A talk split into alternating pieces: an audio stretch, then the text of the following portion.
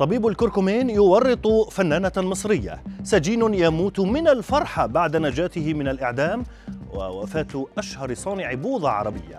أبرز أخبار الساعة الأربع والعشرين الماضية في دقيقتين على العربية بودكاست. نبدأ من مصر حيث تعرضت الفنانة فاطمة عيد لانتقاد واسع بعد مشاركتها في إعلان تجاري للترويج لأحمد أبو النصر الشهير بطبيب الكركمين الذي اعتقل بتهمة النصب والاحتيال قبل يومين.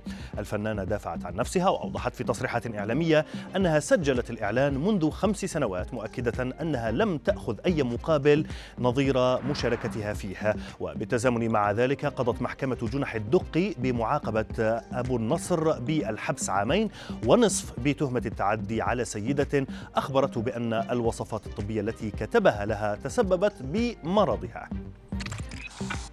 في واقعة غريبة ونادرة الحدوث مات سجين إيراني محكوم بالإعدام بعد سماعه خبر العفو عنه.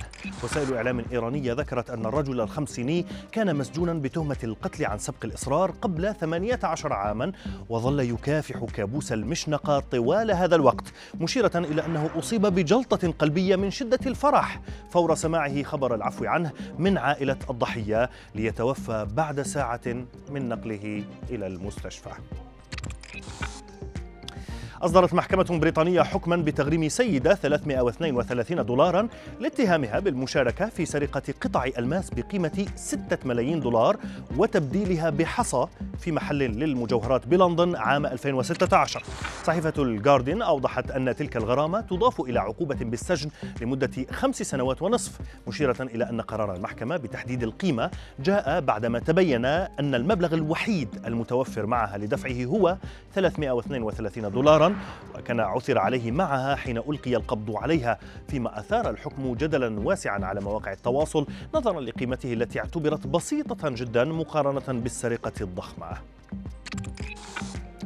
إلى اليمن الآن هذه المرة حيث أثارت قصة فتاة اختطفت طليقها وضربته في مدينة تعز أثارت ضجة واسعة على مواقع التواصل وسط مطالبات باعتقالها. الفتاة اعترفت على صفحتها على فيسبوك بفعلتها قائلة نعم خطفته ومن ثم ضربته وطعنته ثم أطلقت سراحه موضحة أن زوجها السابق استولى على حقوقها وأرسل صورها إلى أعدائها حسب تعبيرها ثم طلقها.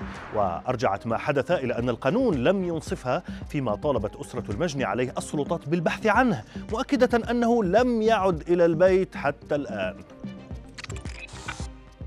وفي خبرنا الأخير توفي اليوم في سوريا موفق بغداش الذي يعد أشهر صانع بوضة عربية في العالم العربي والمعروفة ببوضة بغداش. والد موفق كان أسس في أواخر القرن الثامن عشر الميلادي محل آه، بوضة بغداش في سوق الحميدية وسط دمشق وتابع ابنه مسيرته. حتى صار من المحال التجارية العريقة في سوريا ومقصدا رئيسيا للدمشقيين والسياح الذين كانوا يتوافدون على البلاد من دول عربية وغربية.